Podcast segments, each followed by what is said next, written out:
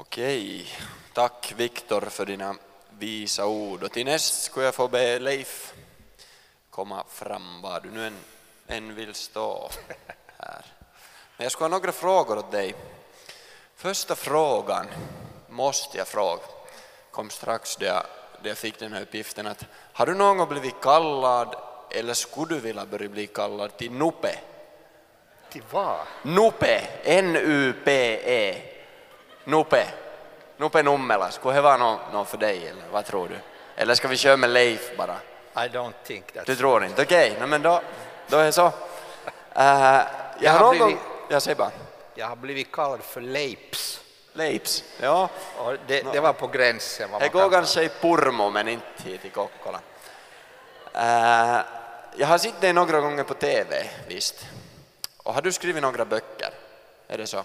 Vad är din bästa bok vad du har skrivit?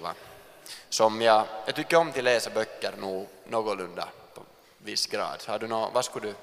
Jag vet inte vilken som är bäst, men den som, den som har sålt mest är Bibelns röda tråd, som Okej. säkert finns till salu här också. Ja, okej.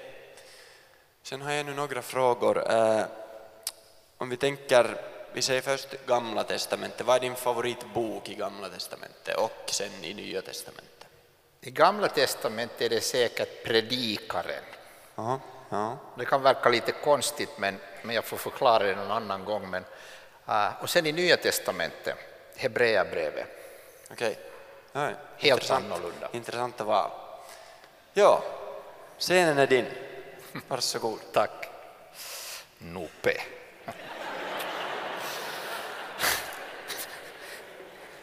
Ni vet, för, för några år sedan eh, så satt jag hemma. Jag hade kommit hem från jobbet och jag hade sån här känsla att äntligen några minuters lugn och ro. Jag slår mig ner i soffan och så ringer telefonen så svarar jag och så, se, så hör jag en, en röst som säger Åt så kaukana! Är du långt ifrån? Så här, långt ifrån vad då? Långt ifrån Kerava. Varför skulle jag vara långt ifrån Kerava? Därför att du ska tala här på ett möte som börjar nu. Ta. Och så plötsligt slår det mig, nej, nej, nej, hjälp. Jag har glömt fullkomligt, jag ska vara på ett möte i Kerava och så säger den här äh, mötesledaren åt mig att, att det här, han hör du, hur länge tar det för dig att köra från Tervakoski till Kerava, jag bor i Tervakoski, så det tar kanske 45 minuter. Okej, så blir hon jätteglad, så säger hon, vi sätter dig som sista talare så du kan sätta dig i bilen nu och så kör du hit. Så jag hoppar i bilen. Men du vet, vissa dagar är inte så väldigt ur vår synvinkel välsignade. Så jag sätter mig i bilen, kommer in på riks 3 och så ser jag vad BMWn går för. Och så kommer jag under en bro och plötsligt ganska nära bron så kikar jag upp och så ser jag en kille som inte fotar fåglar utan någonting helt annat. Han har en kamera, han sitter där och det går en jättekall känsla genom mig. Nej, nej, nej, inte det här också. Ungefär fem minuter senare så står där en polis, motorcykelpolis vid vägkanten och han, när jag har kört förbi så kommer han efter mig. Han kör ganska länge efter mig så jag tänkte att okej, kanske han har glömt. Men det, det har han faktiskt inte gjort, utan li, li, efter en liten stund så kör han förbi mig och så visar han så där helt lugnt och suveränt att kan du... Och så kör jag in och så stannar jag inför en polisbil och så står jag i kö cirka 15 minuter för det är massa andra som står framför mig, men det var inte så väldigt stor tröst. Och så kommer jag fram till polisen, så sitter jag där i, i, i bilen med en stor bibel uppslagen på, bredvid mig. På väg till ett möte och predika. Och så säger han att oli vähän ylinopeutta. Vet du, man kan känna sig liten. Vet du, man kan känna liksom att idag är inte min dag. Idag har inte allt gått rätt. Så när jag stå, sitter där i kön så ringer jag upp den här mötesledaren och säger idag tar det mer än 45 minuter att köra från Tervakoski till Kerava. Så jag kommer inte att komma på det där mötet för jag sitter just nu äh, framför en polisbil och snart inne i en polisbil och så vidare. Det bästa var när kvinnan ringer upp mig senare och säger Hör du, det här, du ska inte vara sorgsen för att vi inte fick dig hit för det var ett väldigt välsignat möte. Det var, det var liksom jättetrösterikt. Det var som en som en gång ringde och sa att det är sex personer som har backat och nu får jag kalla dig. Ja. Vet du vad?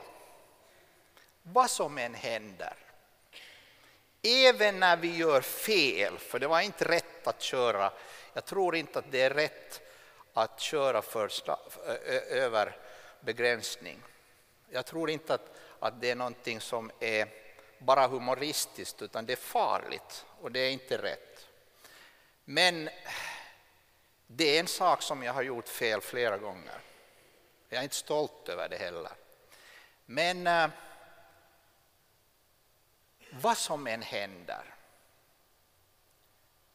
och också de där sakerna som har skett i ditt liv som du tycker att det, det, det, här var nog inte min dag, det var inte min vecka, det var inte min månad, det var inte ens mitt år. Och kanske jag gjort ett helt felaktigt beslut. Kanske jag kommit in på helt fel spår. Allt det där ingår i en vers som vi läser i Efesierbrevet. Det står så här. Han har låtit oss få veta sin viljas hemlighet enligt det beslut som han hade fattat i Kristus. Den plan som skulle genomföras när tiden var fullbordad, att i Kristus sammanfatta allt i himlen och på jorden. Vad som än händer så kan du aldrig göra om intet Guds plan. Det är möjligt att du blir utanför planen. Men då fullbordar Gud i varje fall sin plan. Det är bara det att du är inte liksom den positiva mottagaren av planen. Utan du är utanför. Därför att du har vägrat komma in i planen. Men Gud fullbordar sin plan i varje fall. Men någonting av det mest spännande i det kristna livet är det att du kan komma in i Guds plan. Och du kan vara en del av Guds plan. Ja, men du sa ju just att jag är det i alla fall, vad som än händer. Jo, det är du.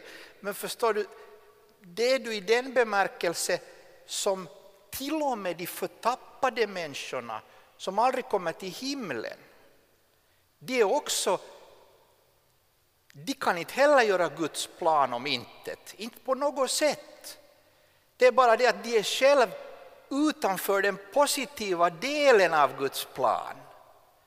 Så det som sker i deras liv är en katastrof, det går, det går inte alls som det skulle gå. Men Guds vilja sker i alla fall. Det är hans vilja att de som lever i fullkomligt slutligt uppror och aldrig någonsin vänder sig till honom, hur han än kallar dem, att de hamnar i förtappelse. Så de kan inte omintetgöra hans plan. Men de kan omintetgöra sin egen välsignelse frälsning och sin egen plats i himlen. No, men okej, om du säger ja, men jag vill inte om inte göra, jag vill vara med om planen. Okej, bra. För då kan vi börja läsa Bibeln. Det är nämligen där vi hittar hans plan. Det är där du hittar hans plan. Tänk om du inte skulle veta, vi hade just den här biskopen här som sa att han inte vet när han är född. Så de har hittat på en dag, första januari. Men tänk om du inte alls skulle veta varifrån du kommer och, och vem du är egentligen. Tänk om det skulle vara så konstigt att du skulle inte veta. Så skulle någon berätta för dig, jo men vet du vad? Det finns, en, det finns ett gammalt brev som din mor har skrivit till din far. Och där står allting om din födelse, vem du är, bakgrunden. Hur många av er skulle vilja se det där brevet om du skulle vara i den situationen? Det är vissa här som inte är intresserade. Jag kan inte hjälpa dig, men ni som skulle vilja se, se det där brevet, du som är intresserad av vem du är och varför du är här och hur du blev till och vad det är för mening med att du finns. Det finns ett brev där allt det där är berättat och det är Bibeln. Det står där. Och jag hinner inte göra något mycket ikväll men bara några små saker som är jättestora som står här om varifrån du kommer, vem du är, varför du är här och så vidare. Det första är att det, det, första som står i det här sammanhanget när det talas om den här planen så står det så här. I sin kärlek har han i Kristus innan världens grund blev lagd utvalt oss i honom för att vi skulle vara heliga och fläckfria inför honom. Gud har utvalt dig att vara inför honom. Det finns en hemlighet som ingen just berättar i vår tid, men det är inte, det är inte en sluten, det är en öppen hemlighet. Om man vill så kan man få reda på den, men det, det talas aldrig om den. Och den har att göra med ateismen. Och det är det att ateismen vrider ur livet, liksom torkar bort ur livet all mening whatsoever. Överhuvudtaget all mening. Så hur kan du påstå sådär? Menar du inte att dina ateistvänner har, har ett meningsfullt liv? Jag säger inte att man inte kan uppleva mening. Jag säger inte att man inte kan hitta på en mening. Men om ateismen är sann, om den är sann på riktigt, så kan det inte finnas någon som helst mening i livet. Hur så? Men varför skulle den komma? Allting har uppkommit av en fullkomlig slump. Vi finns här en liten stund och så försvinner allting. Hur i hela världen, om du inte har någon mening i början, ingen mening i slutet, hur i hela världen skulle du få någon mening med det här som du har här emellan? Det som kallas för livet. Det som är som en sån här, sån här ett, som ett ljus som brinner en stund och så torkar det ut och så har det försvunnit. Det brann en stund, men det, det var ingen mening med det. Ett ljus har en mening, det ger ljus åt andra. Men jag menar, om det inte fanns någon mening i början, allt uppkommer av en slump, vad, vad, tror du sen när allting är förbi, när inte bara du är död och jag är död och hela universum är borta, vad tror du att det finns för, vad tror du att det finns för, för, för liksom planeter och andra som går omkring och sörjer över oss? Den mänskligheten, det var nog en sorry story. Very sad. Det finns inga sådana. Det finns ingen någonstans som har något som helst, och det finns inte nu heller någon. Det finns inte en enda atom ute i universum som bryr sig det minsta lilla om hur du har det. Det här är den stora hemligheten med ateismen. Det pratas om att det är fint att vara ateist, det pratas en massa skräp om, om religionerna, men det är ingen som är kritisk i grund och botten mot ateismen. Som suger ut all mening ur ditt liv och kastar dig in i en meningslös existens som Jean-Paul Sartre, en av de stora filosoferna i västerlandet, säger det är riktigt detsamma om du blir en full eh, en, en, en alkoholist eller om du blir en president så slutar du i alla fall med att dö och det har ingen mening. Men i den här boken står det att det finns en plan. Och det är inte bara möjligt, utan om det finns en Gud som är personlig, tränig och som skapar oss så är det väldigt sannolikt att han hade en tanke med det. Det är väldigt osannolikt att han bara tänkte liksom att, att idag ska jag skapa en värld och lite människor. Det är inte alls så, utan om han är en Gud och om han är treenig så har han talat, som, som vi läser i Bibeln, så har personerna talat med varandra, gjort en plan och före världen grundades, före någonting fanns annat än den treenige guden, så utvalde han dig. Att du ska en dag bli född och du ska en dag få det och det namnet, du ska ha sånt och sånt hår, du ska ha sån och sån ögonfärg och du ska ha en plan. Det är något annat än ateism.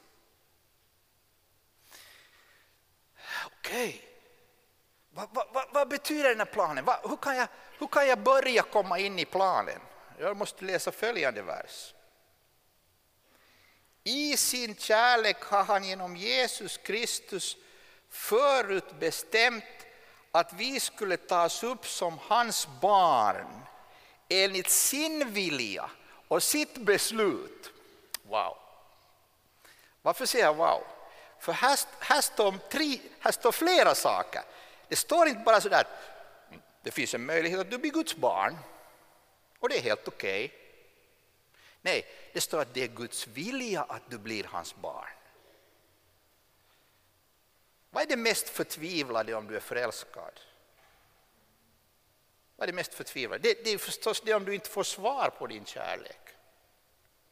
Inte sant? Jag menar, när jag, när jag frågar Irene, min fru som jag har haft i 34 år, och det förunderliga är att hon fortfarande vill vara gift med mig. Så i 34, när jag frågade henne om hon ville gifta med mig så hade jag det, det, liksom det, det, det mest fruktansvärda sekunder i mitt liv innan hon svarade.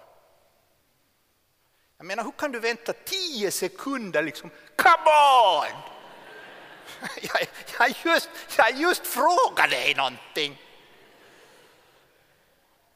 Tio sekunder minst tog det. Jag försökte läsa liksom under de långa sekunderna. Liksom, vad, vad, vad tror du det blir? Det är mest förtvivlat. Tänk om, tänk om du skulle vilja bli Guds barn. Då skulle du vända dig till Gud och så skulle du få liksom en sån där, ah, vet jag. Det skulle vara jättejobbigt. Låt oss ta ner det här i verkligheten. Vi hade ett team vi hade en 16-årig flicka i det här teamet. Och en dag så berättade vi lite om våra liv för varann. Och så berättade hon att när hon var åtta år gammal så förlorade hennes mamma fullkomligt kontrollen och skrek åt henne i köket att ge dig ut härifrån, det är ingen som vill ha dig, det är ingen som ville ha dig, du är ett misstag. Och de där orden de skar så djupt in i hennes själ att hon åtta år senare berättade det där och kom ihåg det där. Det blev en pinsam tystnad i det där teamet och ingen sa någonting så jag försökte avbryta tystnaden och säga att ja, men det fanns i alla fall en som ville ha dig, att du skulle finnas. Så tittade hon snabbt på mig och så sa hon nej, pappa tänkte precis som mamma. Han tyckte också att jag är ett misstag. Det var inte pappa jag tänkte, sa jag, utan det var Gud. Och vet du vad? Jag har hundraprocentigt bevis. Det är väldigt få saker vi har hundraprocentigt bevis för. Men jag har hundraprocentig säkerhet på att Gud ville att du finns till. Hur så? Jag är hundraprocentigt säker att Detsamma gäller dig här ikväll. Jag är hundraprocentigt säker att Gud vill att du finns. Hur vet du det? Hur kan du veta det? Du vet ingenting om att bli. Jo, men jag vet med hundraprocentig säkerhet. Hur så? Därför att du finns. Och du kan inte finnas om inte han vill. Du har för länge sedan gått igenom den kontrollen. Ska du bli skapad? Jo, han har bestämt det. Han har förutbestämt det. Han har gjort en plan och det första som hör till den planen, han vill att du ska vara hans barn. Det där som jag berättade om den här flickan, det skedde för kanske 30 år sedan. Idag jobbar hon med socialarbete i en stor finländsk stad och hjälper barn som kommer ur en bakgrund att de inte har haft överhuvudtaget föräldrar. Hon gör ett fantastiskt jobb och hon har hållit sin tro och hon har en mening i sitt liv och hon gör ett väldigt meningsfullt arbete. När du vet vem du är så kan du börja koncentrera dig på andra människor. Så kan du börja leva. Så kan du börja fullborda Guds plan. Men du måste ju vara säker på först att du själv får vara ett Guds barn. Att du får komma till honom, som vi just hörde här ikväll. Att du får bekänna. Och att du, om du vill kan säga att någon kan du be för mig att, att det här och det här. Och, och, och du kan få höra de där underbara orden som vi alltid hör i gudstjänsten. Att i Jesu namn så har prästen på vägnar av Gud eller en broder eller en syster på vägnar av Gud, ur Guds ord, kan hjälpa dig att tro och ta emot att dina synder är förlåtna. Har du någonsin dagdrömmar? Nej, du behöver inte berätta alla åt mig. Men, men har du, som, jag talar om sådana goda dagdrömmar. Jag, jag satt en gång i en stol och hade en dagdröm. Jag funderade på vad skulle vara ett, vad skulle vara ett drömyrke? Vad skulle vara ett drömyrke? Du kanske har något drömyrke, men jag hittar på mitt drömyrke. Det kanske låter lite komiskt, men det var så här. En bank, en stor bank, skulle göra ett beslut att alla de som har skuld till banken så får fullkomlig frihet från sin skuld. De, blir, de bara liksom torkas bort. 200 000 300 000, 50 000. Och vad är mitt yrke? Det är att gå och tala om det för dem. Ah, ganska bra va? Och sen en BMW X6 som man får köra med till de där människorna. Och sen knackar man på dörren, kopp, kopp. Har du en några minuter att jag kommer från banken och det här jag såg det när jag tittade på, ut från fönstret. Jag kommer från banken och jag, och jag det här, har goda nyheter. Du kommer från banken, du har goda nyheter. Ah, jag under har inte slutat ske. Nåja, men okej, okay, berätta för mig. Ja, slå dig ner. Det är så här, du hade ju 150 000 skuld på huset. Ja. Vet du vad, saldo är noll. Din skuldsaldo är noll och jag är här för att berätta det för dig. Bara namnet under där och så är det noll. Va? Så svårt att tro va? Men trevligt yrke va? Och så får du lön för det där. Och sen, jag kan inte ta mer kaffe tyvärr, jag har två andra ställen idag, det är lite lång arbetsdag. ja. Och nu dessutom så får jag, måste jag korta på min fyra månader långa semester. Nåja, men det här... Jag måste köra till några andra ställen och samma sak. Och så ska du hålla på så där liksom. Det ska vara ganska roligt yrke.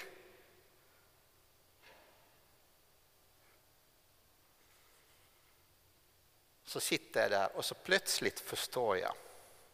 Det är väldigt sällan. Jag är inte sån här typ, vet du.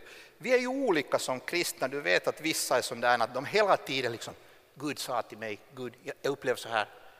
Jag har inte sådana. Liksom jag vaknar på morgonen, det känns ingenting. Liksom, det är helt noll. Liksom, det är fullkomligt liksom. Men så plötsligt fattar jag. Som om en liten röst skulle säga, du har ju det yrke. Kan du inte förstå, det är din uppgift att få Kokkola och säg åt dem på ungdomsmöte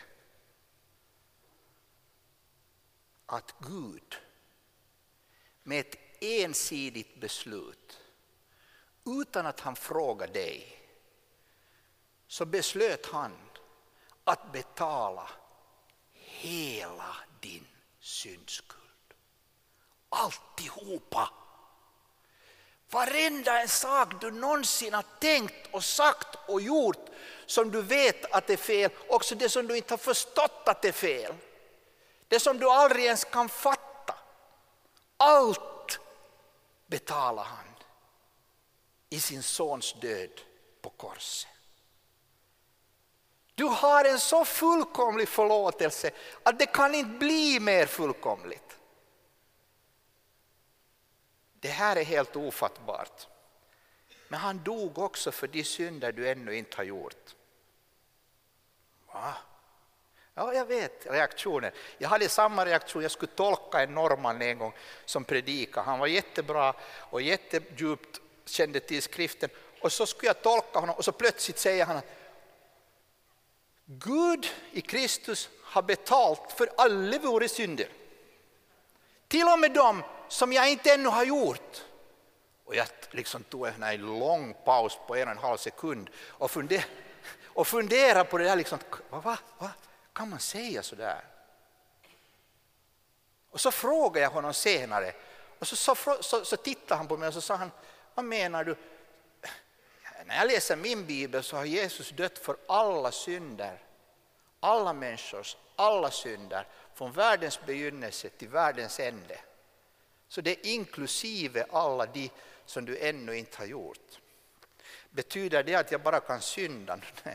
Nej, då har du missförstått. Det här är ett förhållande till Gud. Du, du, du kan inte liksom tänka att jag kan leva hur som helst, men det är en annan sak. Det ska vi tala om imorgon på morgon. Men du har en förlåtelse. Du har en saldo inför honom som är noll. Det kommer att vara en sån överraskning för när man kommer till himlen att det kommer att vara fullkomligt ofattbart att höra att du har ingenting här som, som du skulle dömas för. Det, allting är betalt. Allting är taget bort. Någon har gått in här och betalat allting. Jag, jag, jag, jag fattade det här på ett väldigt sätt en gång för jättelänge sedan i Åbo när vi skulle ut på missionsarbete. Vi var ett ungt par. Det enda problemet, vi hade små barn. Det enda problemet var att vi hade en studieskuld. Och i ett tal, utan att ha den minsta tanke på att jag på något sätt skulle, skulle göra det, så nämnde jag det i en sidosats att vi har ännu en liten sån här studieskuld, men när vi får det fixat så ska vi ut. Så ringer telefon och en äldre kvinna säger att hur mycket har ni? Så säger jag, det var inte mycket, men det var så mycket att vi inte kunde ta det med oss så att säga. Och så säger hon, imorgon, den och den banken klockan 12, kom dit. Så går vi dit och så betalar hon den här skulden och så säger hon Gud välsigne er i missionsarbete. Va? Det där kan ju inte ske! Jo, det kan ske och det har skett. Ja, inte för mig, jo för dig. Jesus har betalt dina skulder. Inte kanske de där pengarna utan det där som är mycket värre och mycket svårare att betala. Du skulle aldrig ens kunna betala det, din syndaskuld. Så du har förlåtelse och det betyder min vän att du är fri att tjäna Gud. Du är fri att gå ut i hans plan. Att det enda du behöver göra ikväll är tacka och prisa honom för förlåtelsen i Kristus. Och sen kan du säga, det här är sista versen jag ska läsa här. Ty hans verk är vi, skapade i Kristus Jesus till goda gärningar som Gud har förberett så att vi ska vandra i dem. Det här är så spännande. Det är så spännande att det gör att du ser alla människor på ett nytt sätt. Hur så? No, men tänk om det är så här att Gud har en plan och han har skapat dig för vissa saker som han har planerat på förhand. Menar du att jag skulle kunna liksom bli president eller något? Men det är ganska få som blir det. Menar du att jag skulle kunna vinna Idols? Det vill du inte ens om du tänker efter. vad menar du då? Förstår du vad jag menar? Jag menar att du kan ha ett liv. Du kan ha ett liv som har mening. Och det är mycket mer än många andra. Du kan ha ett liv som följer en plan. Du kan säga till Gud, Gud hur jag än känner mig på morgonen, här är jag. Led mig. Ske din vilja så som i himmelen, såk på jorden, såk i mitt liv. Ja men Leif, förstår du, jag har bett det där och jag vet inte riktigt vart jag ska gå. Då ska du vänta. Ja, men jag har väntat så länge än, då uppfostrar han dig. Ja men, jag har ett svårt val och jag vet inte. No panic. Han vet. Jo, det, inte, det, gör inte att livet är enkelt. Det gör inte att liksom när man ber så där på morgonen så vet man att det kommer en lista. Liksom, så här ska du gå dit och dit och dit. Nej, det är du som lever. Det är du som väljer. Och Gud vill att du ska leva och Gud vill att du ska välja. Och du ska fundera och planera och diskutera och be. Men vi slutar där vi börjar. Hans plan kan inte gå om intet. Och om du har bett till Gud att du vill vara en del av hans plan, om du är hans barn så kommer hans plan i en positiv bemärkelse att gå i uppfyllelse i ditt liv. Ett exempel och så slutar jag. En vän till mig som är missionsledare i Norge skulle ut till Kina. Det var efter att Mao hade dött och de hade för länge sedan måste ta, ta bort alla sina missionärer därifrån. Alla sina missionärer. De hade, de hade ingen chans att arbeta i landet och nu var det första gången han kunde resa in igen. Så han ringde en gammal veteranmissionär, en kvinna eh, i 80-årsåren och, så, och sa att jag ska dit till dit, där som du jobbar för x år sedan när, när det ännu var möjligt och där som du flydde sen kom bort. Och det här, är det någonting du vill säga?